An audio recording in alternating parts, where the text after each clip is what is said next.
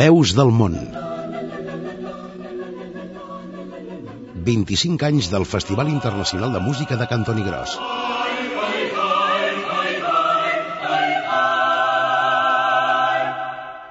Amb Anna Jové i Albert Torrents.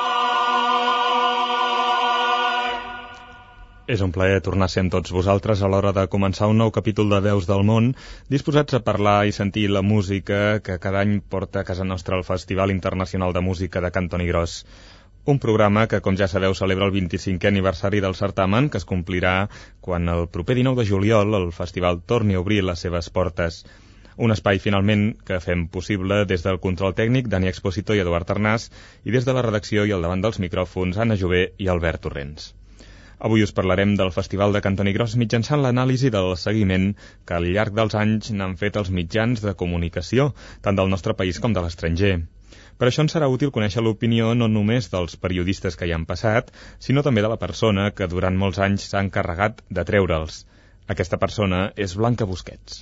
Jo havia ajudat a portar el, la primera Marató Catalunya, el, la qüestió de la, de la premsa. I la persona que portava en aquells moments la premsa d'això eh, sabia com fer-ho i me'n va ensenyar. I llavors quan vam començar a muntar el Festival de Cantoni vaig dir jo sé com es munta una roda de premsa i com es convoquen els periodistes. Encara que sigui per parlar d'un tema, tema que no té res a veure.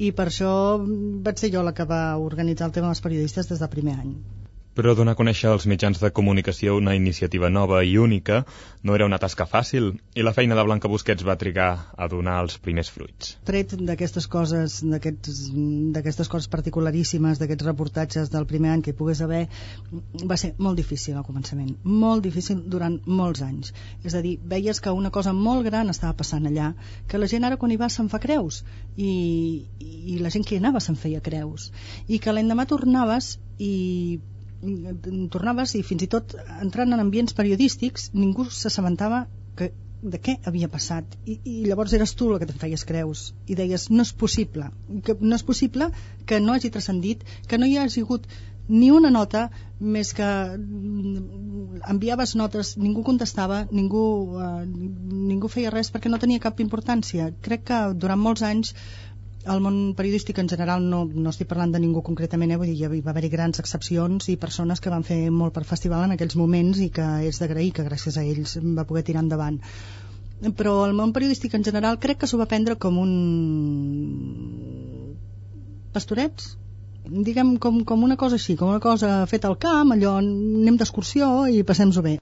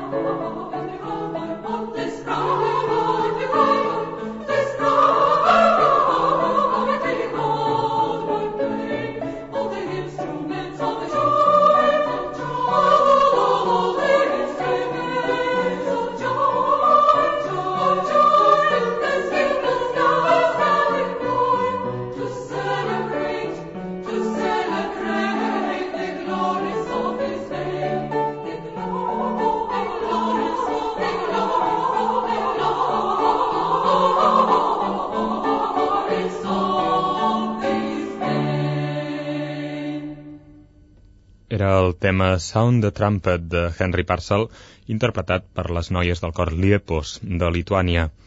En l'aventura d'explicar al gran públic els secrets del Festival de Cantoni Gros, Blanca Busquets va trobar un aliat en la premsa local i comarcal d'Osona i d'altres municipis que col·laboraven amb l'esdeveniment. Qui té molt de mèrit són els diaris de la comarca, els diaris de, de Vic s'hi van abocar des del primer any i ells sí que van, jo crec que van saber estar a l'altura des del primer any.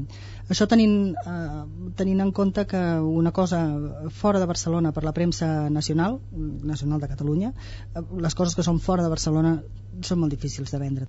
L'any 1979, és a dir, quatre anys abans del naixement del Festival de Cantoni Gros, es van crear a Catalunya, entre altres, tres importants diaris comarcals que encara avui perviuen. Un d'ells és la capçalera local per excel·lència de la comarca d'Osona, el 9-9. Com deia Blanca Busquets, aquest rotatiu sempre ha dedicat una àmplia cobertura al festival. Des de fa uns anys, la persona encarregada de cobrir informativament l'esdeveniment és Montserrat Rius. Jo, con Toni Gros, normalment ja estic alerta de quan és, vaig a la roda de premsa, surten unes prèvies al diari, no? primer doncs eh, aquest cap de setmana juliol es farà el, el tindrà lloc a Cantoni Gros i uns dies abans llavors surt més informació, però diguem del lloc, com anar-hi, què hi haurà, si hi ha alguna novetat, alguna cosa que valgui la pena doncs, explicar-ho perquè serà nova, etc. Thank you.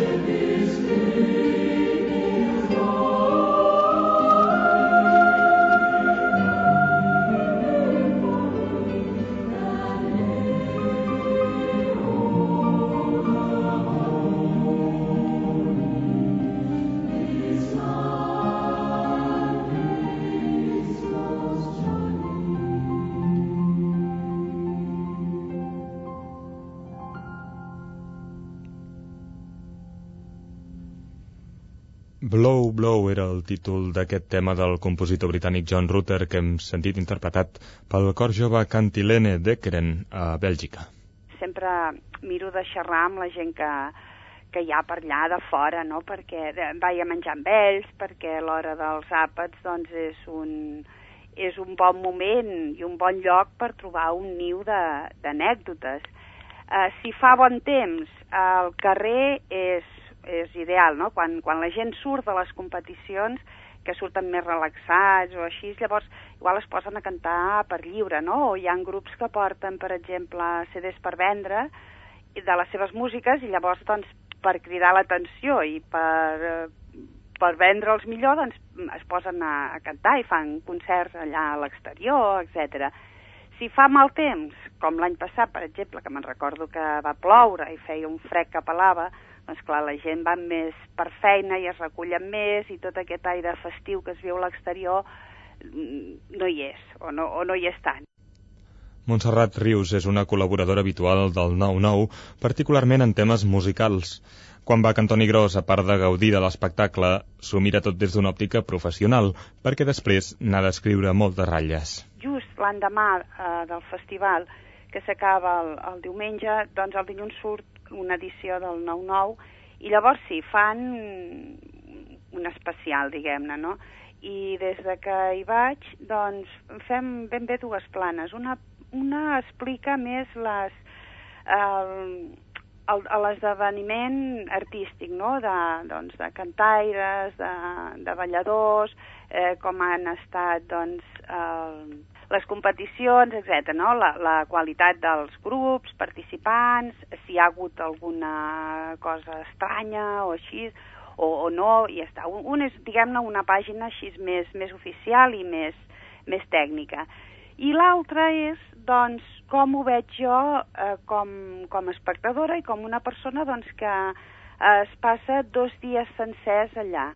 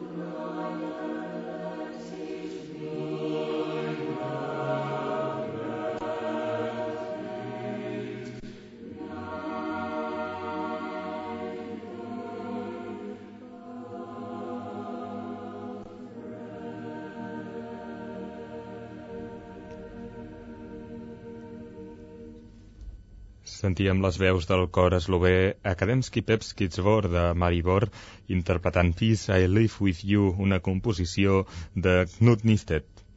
Com fa el 9-9, la majoria de diaris que cobreixen el Festival de Cantoni Gros ho fan des de dues vessants, l'estrictament musical i l'aspecte humà. Blanca Busquets. És molt difícil trobar el, trobar el periodista que cobreixi les dues coses, perquè el que cobreix els cors és especialista en música, el que cobreix la resta va per una altra cosa. Llavors, normalment acostuma a haver-hi dos tipus d'article. Jo recordo articles preciosos parlant de l'ambient, de la gent, de, de la convivència, dels colors, de tot i de la música que se sent i de les danses que es ballen al mig del camp, al mig d'on sigui i de com es troba de bé la gent i el públic quan hi va això i, i que a sobre entres a la carpa i llavors sents un concert meravellós, bla, bla, bla, bla. Però això ha sigut el màxim que ha dit aquest, aquesta mena de, de periodista, que ha pujat per una altra raó, ha pujat per una raó humana. Llavors, eh, l'altre tipus de periodista, el periodista crític de música, mm, ha fet al revés, és a dir, ha entrat a dintre la carpa i s'ha posat a escoltar i ha dit el cor tal, que no sé què, que em recorda qual, que no sé què, que si ha afinat, que si no sé què, que si s'ha deixat la nota tal, que si no sé quantos, i, i llavors diu, i quan surts a fora continues veient aquests colors i aquesta posta de sol és, són dos tipus de, de periodista completament diferent, que jo penso que es complementen, però que realment fan dos tipus d'article completament diferent, però ja ens està bé, és això el que ha de ser. Pel que fa al primer tipus d'article de què ens parlava Blanca Busquets, un dels aspectes més curiosos o divertits de la feina del periodista a l'hora d'escriure la seva crònica humana del festival és la conversa amb els seus protagonistes, els cantaires i directors corals, amb els quals amb prou feines es comparteix una llengua estrangera. Jo no és que domini pas masses llengües, llengües la veritat, el francès i una miqueta l'anglès i amb prou feines, però no hi ha problemes, eh? perquè mm, si més no, eh, quatre paraules d'anglès eh, gairebé tothom domina, no? Però, per exemple, me'n recordo que fa dos anys hi havia un grup d'italians de, de Sicília i al cap, diguem-ne, era un, un noi que feia molta gràcia, no? Era molt divertit, era molt sicilià. I llavors li vaig dir que el volia entrevistar oi, va ser molt divertit, no? Esclar, ell parlava italià, jo parlava català, castellà com podia, i, i la veritat és que amb aquestes, amb les llengües romàniques, en principi no hi ha massa problema, no n'hi ha cap. Però altres anys, per exemple, he volgut parlar amb, amb canaies, sobretot doncs, d'Estònia o de Lituània, dels països de l'est, que potser igual alguns no saben tampoc massa anglès, però normalment ens entenem, eh? perquè tampoc, home, tampoc fas entrevistes en, en profunditat, no? més, més eh, els demanes doncs, què els hi sembla el país, eh, com estan a la casa d'acollida, què més els ha sobtat d'aquí, eh, si els agrada el menjar, una miqueta coses tòpiques però que a vegades t'emportes sorpreses, no? O que obtens respostes que igual no... Eh, tu fas unes preguntes i et donen unes altres respostes que ni se t'havien passat pel cap, la veritat.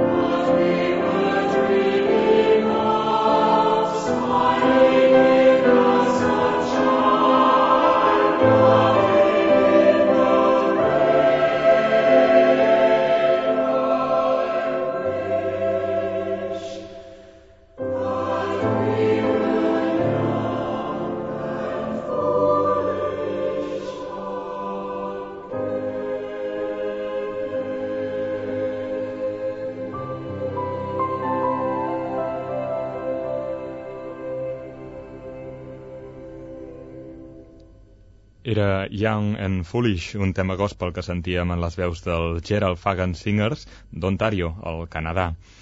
Parlant encara de la premsa, hi ha un col·lectiu que acudeix sovint al festival i que són els periodistes estrangers.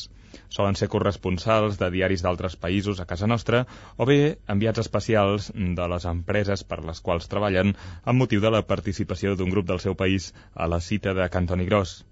Avui Anna Jové ha centrat el seu reportatge en allò que s'explica del festival més enllà de les nostres fronteres.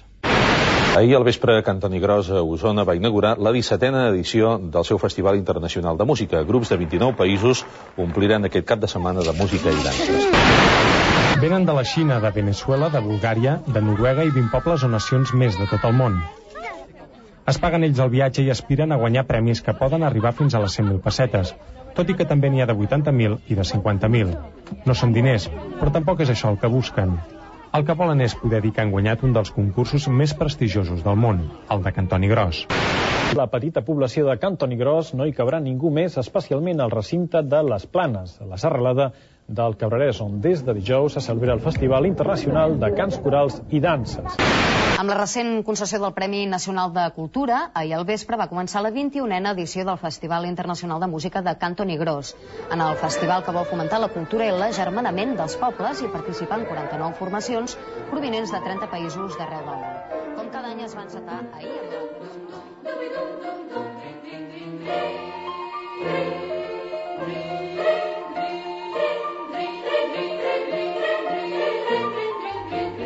El Festival Internacional de Música de Cantoni Gros es converteix cada estiu en objecte de múltiples notícies als diversos mitjans de comunicació. Els telenotícies de TV3 en són només un petit exemple. La magnitud i la peculiaritat de l'esdeveniment, la gran quantitat de voluntaris que configuren l'organització o la convivència entre pobles i cultures desperten l'interès mediàtic. El factor humà hi és present durant els quatre dies i és aquest element el que precisament es vol donar a conèixer. És per això que moltes televisions, ràdios i diaris no es conformen només amb aconseguir la informació bàsica.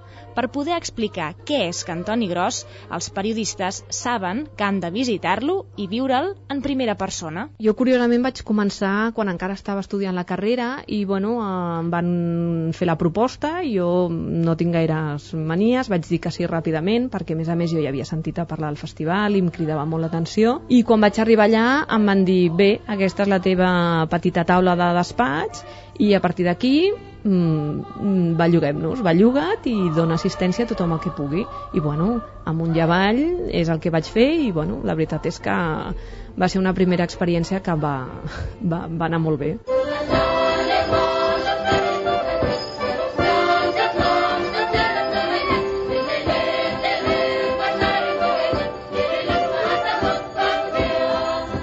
Curta durada del festival fa que la concentració de mitjans resulti evident. És per això que cal tenir una bona gestió. Maria Vall ha estat la cap del Departament de Premsa i Comunicació del festival durant uns quants anys. Coneix bé totes les tasques que es necessiten per coordinar tots els mitjans de comunicació que assisteixen al campus musical. A veure, el Departament de Premsa em té com diferents moments. El primer moment és preparar i recopilar tota la informació que després entregarem als mitjans de comunicació que com és lògic doncs és un, un moment que té molta importància i han de recollir els mitjans de comunicació. I per una altra part és el punt d'assistència que jo li dic, que és quan es desenvolupa el festival i aleshores venen molts mitjans de comunicació que volen cobrir als dies del festival. Aleshores hi ha aquests dos moments claus, després hi ha altres moments que són els moments de recollida, on es recull tota la informació que es publica, la difusió, però diríem que es podria concentrar en aquests dos moments. El moment de la roda de premsa, on oferim a tots els mitjans de comunicació la informació de l'edició d'enguany i el moment on es desenvolupa el festival, que és quan nosaltres atenem totes les peticions en directe dels mitjans de comunicació. Com és lògic, cada periodista arribarà per primer cop a Cantoni Gros amb una idea preconcebuda i a la recerca d'un material determinat depenent del mitjà pel qual treballa. Venen sobretot mitjans audiovisuals, o sigui, la televisió i la ràdio, i després especialment ve la premsa escrita, que és la que mm, desenvolupa les històries més humanes i més personals. Cada mitjà de comunicació, com és lògic, necessita mm, coses diferents. Un mitjà audiovisual com és la televisió necessita unes imatges molt gràfiques o en moviment. Llavors en aquest cas et demanen doncs, eh, l'enregistrament en directe de les actuacions, de les representacions dels cors, dels balls...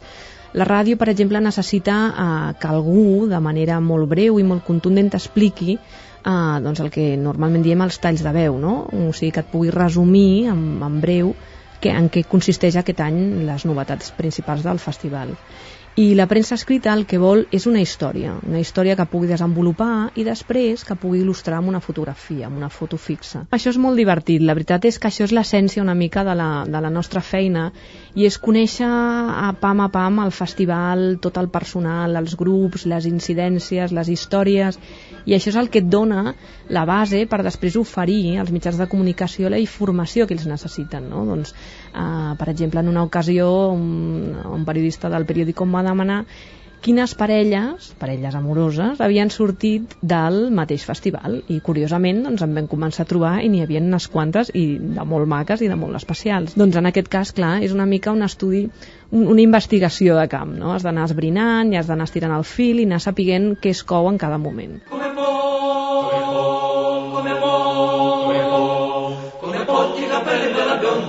Tu li porti la pelle marinara, tu li porti come Existeixen diversos gèneres periodístics i si fem una ràpida visita a la maroteca del festival comprovarem que aquests 25 anys les peces que li han dedicat han estat moltes i molt variades. Notícies, articles d'opinió, editorials, entrevistes, cròniques, reportatges, acudits, vinyetes... Fins i tot, el 1984, un cor que aquell any participava en la segona edició del festival va tenir l'oportunitat de fer una actuació en directe al programa de TV3 Àngel Casas Show, una prèvia que permetria a l'audiència fer el primer tast musical del que se sentiria l'endemà a la carpa de l'auditori. Nosaltres anem a presentar-vos precisament aquest cor de noies de l'Acadèmia d'Economia de Poznan, que va ser creat l'any 71 pel Consell Universitari de l'Associació d'Estudiants Polacs és la seva primera representació, perdó, la seva primera representació pública es va produir el 72, el cor està format per 40 dones, però hem de ser sincers, no ens hi cabien. I aleshores hem fet una reducció, han volgut ser tan amables de fer una reducció de la meitat, de 20 persones, que ara mateix seran amb nosaltres. Endavant aquest cor de l'Acadèmia d'Economia de Poznan.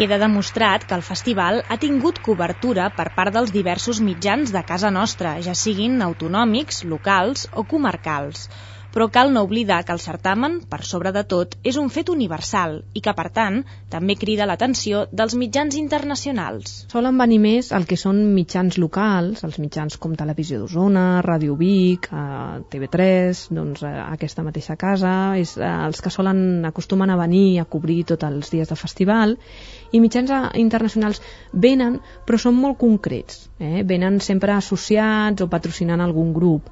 Això no vol dir que després els mitjans internacionals no publiquin mm, igual o més que els mitjans nacionals o els mitjans d'aquí de casa.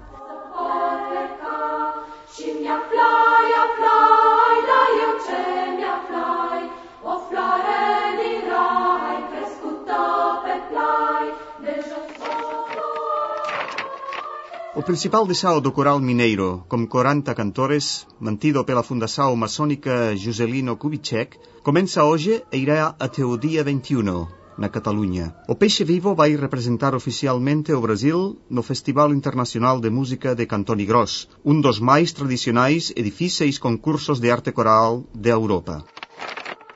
Chronicle Life Their dreams have been finally realized with their participation in the 14th Festival Internacional de Música de Cantonigrós in Catalunya, Spain, held in July of 1996. Their hard work paid off when the Philippine male chorale successfully ended up as one of only four choirs from among 24 choirs to garner 100 points.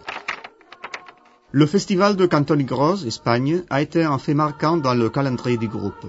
En effet, les Guyaneux y ont obtenu un indéniable succès et se souviendront longtemps de l'accueil chaleureux dont ils ont été logés, tant sur le podium que dans les familles espagnoles qui les ont hébergés avec beaucoup de gentillesse. Aquests són alguns dels titulars que s'han pogut llegir als diaris de països com Brasil, Filipines o França. Tots ells han parlat sobre la rellevància de prendre part en un certamen com el de Cantoni Gros i han destacat l'actuació del cor del seu país que hi va prendre part. Els reporters que han escrit aquestes notícies van assistir al seu dia al festival. En van fer un seguiment complet i van plasmar damunt del paper una petita part de totes les sensacions que van poder endur-se'n quan van venir. La periodista Manuela Mancheva n'és un altre exemple. Ella és la presentadora d'un famós programa de música clàssica que s'emet cada setmana per la Ràdio Nacional Búlgara. També va tenir l'oportunitat de viatjar fins a Cantoni Gros i poder viure en directe el que mesos més tard explicaria en un reportatge per a la seva emissora.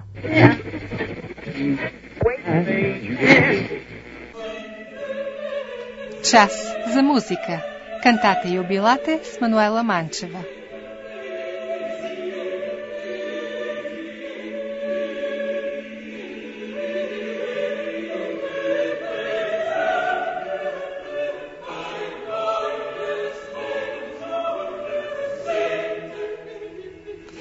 Много слънце, много настроение и цвят ще има в днешната ни среща, уважаеми слушатели, защото страната, в която ще ви отведем в следващия час, действа поразително на всеки чужденец и остава в съзнанието му завинаги.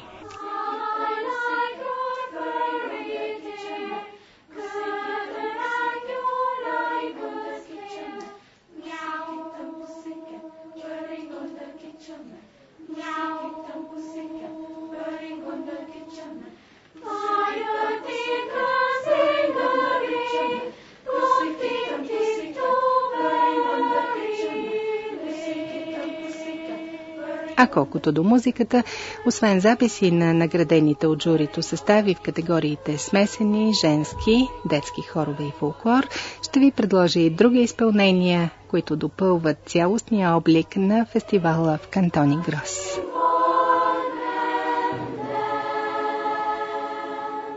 El año pasado en el Festival de Cantoni Gros vino un grupo, un coro de Bulgaria acompañado por una periodista de Radio Nacional de Bulgaria que se llama Manuela Mancheva. Y esta señora pues eh, hace un programa en la Radio Nacional que se llama Cantate Jubilate. Entonces yo hacía un poco de traductora y era como un contacto entre ella y, y la gente que ella quería entrevistar en el festival. Ginka Sparuhova també va néixer a Bulgària, però des de fa 7 anys viu a Barcelona.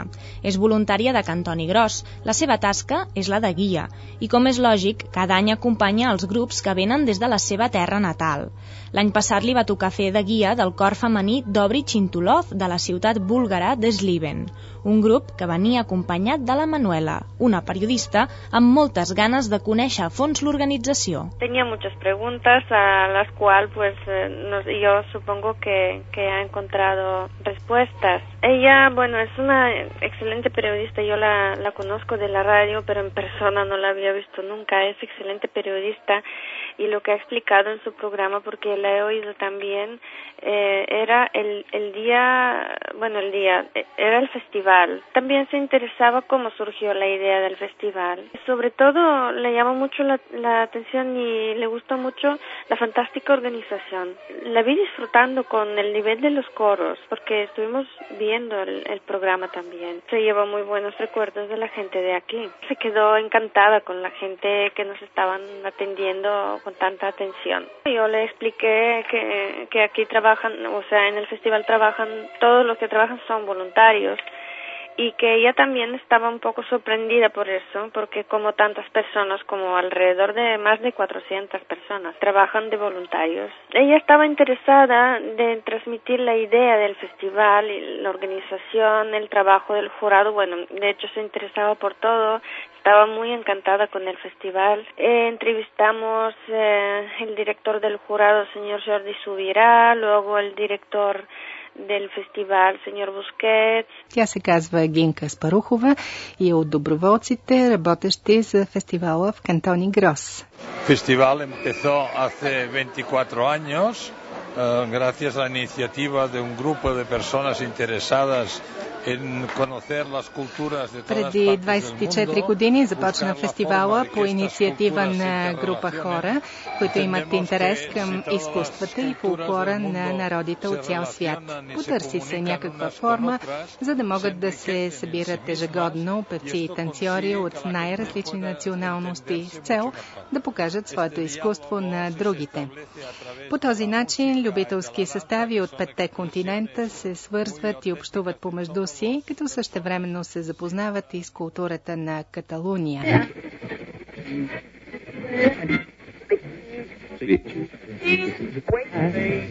De Bulgària viatgem a través de les zones radiofòniques fins a un altre país, Eslovàquia.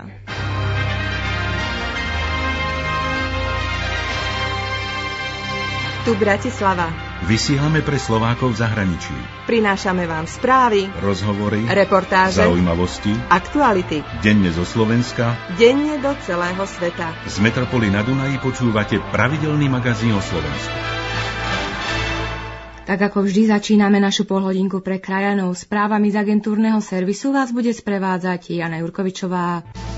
O titul Svetový podnikateľ bude poprvý raz bojovať Slovák. Així és com sona Eslovac Ràdio i aquí és on trobem a l'Hilari Ruiz.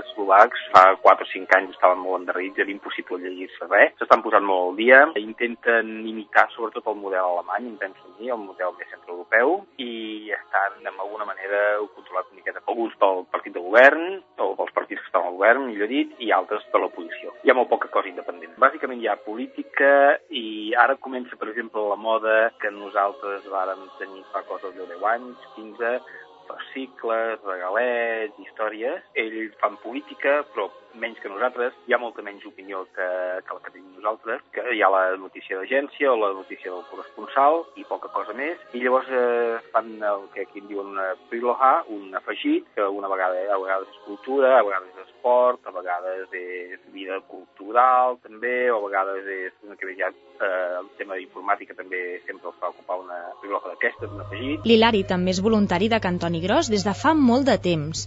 La vida l'ha dut a instal·lar-se a Bratislava i a treballar per una emissora de ràdio estatal. Jo a Eslovàquia hi visc, hi visc fa un any i mig, qüestions personals doncs fa anys que vaig començar a estudiar eslovac i aleshores doncs, m'havia arribat, m'havia portar, em vaig començar a venir a viure i bé, en principi no es pot dir mai què passarà, però en principi jo em quedaria. Estic molt bé, en aquests moments estic treballant a Ràdio Eslovàquia, a l'emissora que emet eh, cap a l'estranger, en aquest cas eh, emissores en llengua espanyola, cap a Sud-amèrica i Espanya, i, i ja et dic, com en principi doncs, ho prenc com un, com un aquí soc i demà veurem. Hi ha la, la, la, que, la que seria la Corporació Catalana, que és la, les empreses de Ràdio Eslovàquia, tenen una Catalunya Ràdio, que és Ràdio Eslovàquia, tenen una, una altra emissora dedicada a l'estranger, en la qual jo treballo, tenen una emissora dedicada a les minories lingüístiques del país, que emet amb les seves llengües, i llavors tenen una dedicada teòricament a cultura i a música clàssica. Però estan a anys distància, anys llum de, del que és per nosaltres la ràdio. És molt, molt poc viva, hi ha molta cosa gravada... Tant a Bulgària com a Eslovàquia, el concepte i el desenvolupament de les indústries audiovisuals i comunicatives és molt diferent al nostre. Als països de l'est, els mitjans de comunicació tenen uns objectius i uns continguts molt específics. La cultura i el folklore són dos àmbits que per tradició es valoren molt més que al nostre país i, per tant, tenen més presència mediàtica. El folclore segueix sent viu, però molt ràpidament està perdent força. És a dir, el sistema socialista, el règim socialista anterior, donava molt suport a tot, a tot el que era cultura. Per part dels pares s'ajuntava el suport oficial a la cultura i el suport oficial a les tradicions i arrels per part dels pares tampoc hi havia moltes coses a fer. La societat socialista era el que era, eh, no hi havia, no tenien l'oci que nosaltres tenim. Per tant, què feien els pares? S'emportaven a la canalla doncs, el grup. Era la manera perquè la canalla digués món, fessin eh, convivència amb altra canalla i fessin eh, vida social, per dir-ho així. Quan va caure el socialisme, va entrar el capitalisme i van, van entrar doncs, els supermercats, les zones comercials, els videojocs, bueno, tot això també ha vingut per la, per l'època, suposo, no tot això s'ha acabat. I en aquest moment tenen problemes, tenen problemes els grups folclòrics per, per aconseguir gent. Tot i que, evidentment, encara hi ha molts festivals escampats al país que es dediquen a aquest tipus de coses. Folklore segueix sent un dels, un dels millors d'Europa, el folklore eslovac és molt viu, hi ha moltes muntanyes, s'havien mantingut molt les tradicions muntanyenques, cosa, per exemple, els no tenen, i segueix a punter, però és molt difícil, cada vegada és més difícil mantenir. El folclore en Bulgaria y fuera del país está muy valorado y apreciado. Y hay escuelas y academias que, que dan excelentes, excelente preparación a la gente que se dedica profesionalmente a esto. Pero también hay colectivos que no son profesionales, que son amateurs, que también están muy bien preparados y, y, bueno, esto se ve reflejado en el festival porque los grupos que vienen del este, tanto grupos de danza como coros, están muy bien preparados, no solo de Bulgaria, sino del este.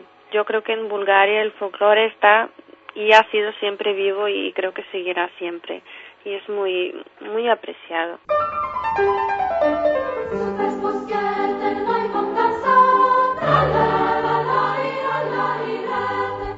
Del Festival de Cantoni Gros se'n parla. Se'n parla en català, en castellà i en un munt de llengües estrangeres. Es pot dir que la notícia de la seva existència l'ha publicada mig món, un fet prou rellevant per ser conscients una vegada més de la transcendència d'aquest certamen de música coral i dansa popular. Yo no sé si el festival se conocía más o menos en Bulgaria antes de este, de este programa, porque es un programa de radio, pero yo creo que con, con su programa ya, bueno, ya lo saben mucho más gente, conocen el festival mucho más gente que antes. Per mi és essencial, perquè mm, pots estar fent el millor, la millor edició del festival que mai has fet en aquests últims 20 anys, però si tu no ho dones a saber al món, no hi ha... Aquesta feina és com si no existís, no? Vull dir, pots estar treballant molt de temps i molt profundament que si tu no li dones repercussió i no arriba més o menys a tothom o a la gent que li interessa, mmm, és com no, no fer-hi res.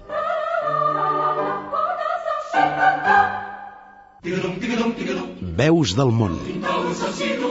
Un programa de Catalunya Música per celebrar el 25è aniversari del Festival Internacional de Música de Cantoni Gros.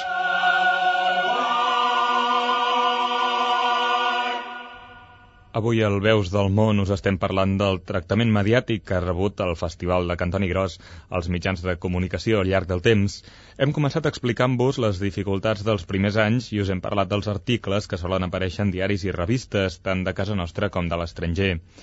Encara no hem tractat, però, dels mitjans audiovisuals, que precisament han exercit un paper importantíssim en el canvi de les tendències inicials. Sobretot d'ençà que l'any 1995 TV3 hi va dedicar una especial atenció. Va pujar, Televisió de Catalunya es va llançar a la piscina i van decidir fer un 30 minuts de, del festival.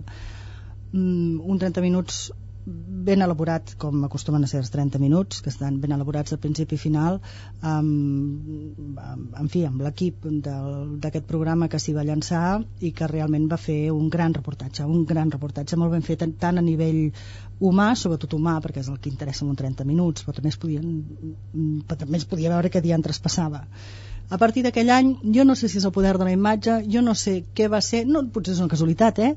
La nit i el dia. Després d'aquest impuls, el tractament també es va contagiar als departaments d'informatius i sobretot a una tipologia mediàtica molt fecunda al nostre país, les televisions locals. Televisió de Catalunya s'hi ha, ha abocat sempre, és a dir, ha estat sempre pendent, ha portat els informatius cada dia, normalment cada dia estan allà transmetent i donant informació del que passa del que ha passat durant el dia, de qui ha guanyat els premis, de què ha fet, de què ha deixat de fer i moltes vegades n'ha fet algun petit reportatge en programes eh, d'estiu i, i, i totes aquestes coses. Que es podria fer més? Sempre es pot fer més. Sempre es pot fer un programa especial i sempre es pot fer, sempre es pot fer una transmissió en directe.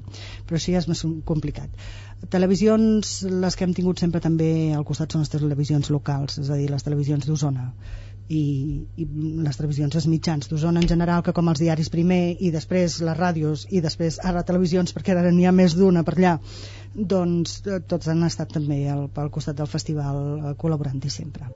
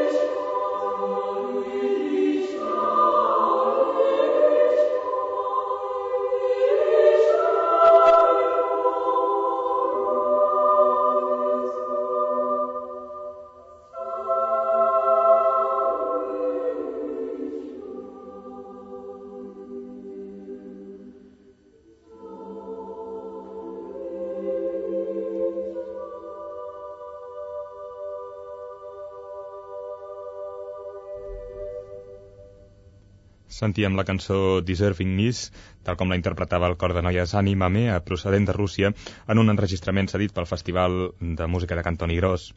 Pel que fa a l'espectre radiofònic, és inevitable parlar d'aquesta casa, Catalunya Música, que des de sempre, ja que va néixer quatre anys més tard que el festival, hi ha donat un tractament preferencial.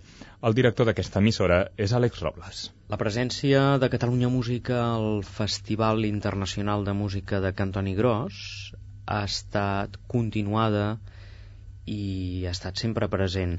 Ha tingut mm, diferents eh, vistes o, o orelles, podríem dir.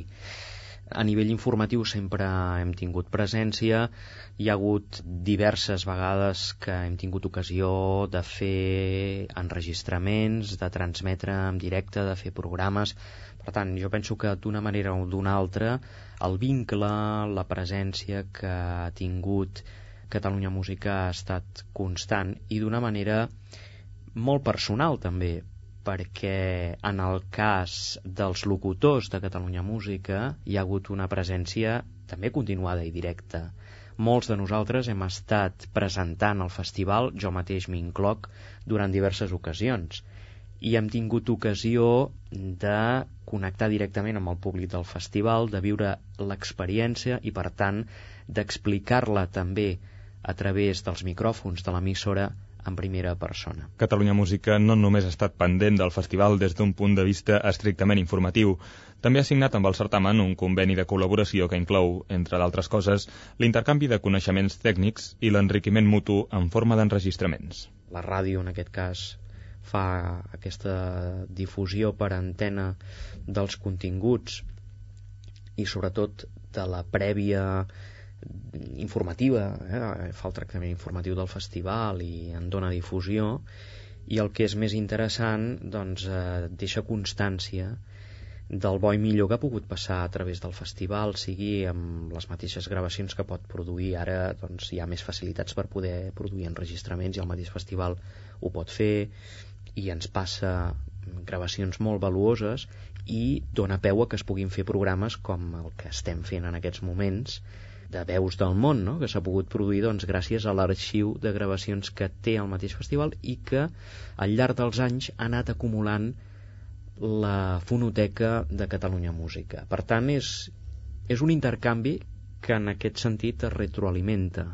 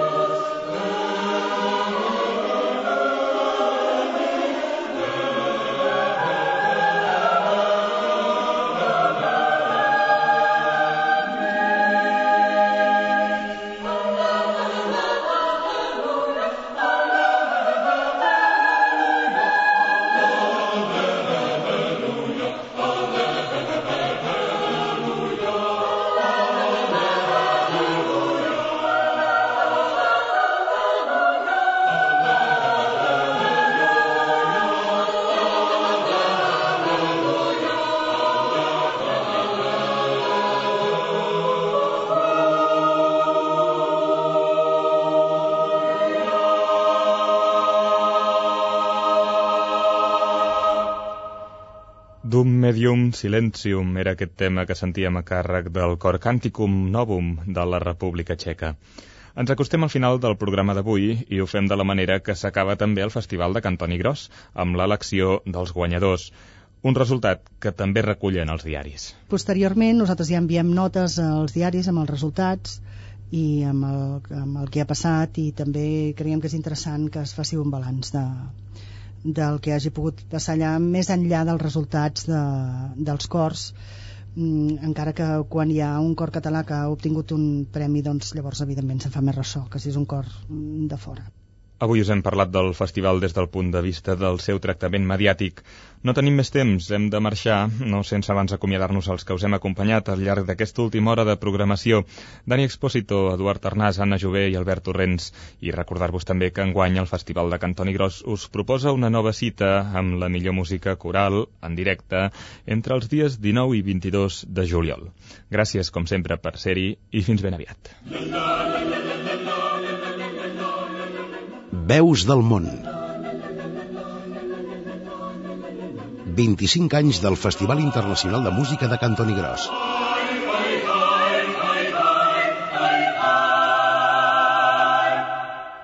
Amb Anna Jové i Albert Torrents.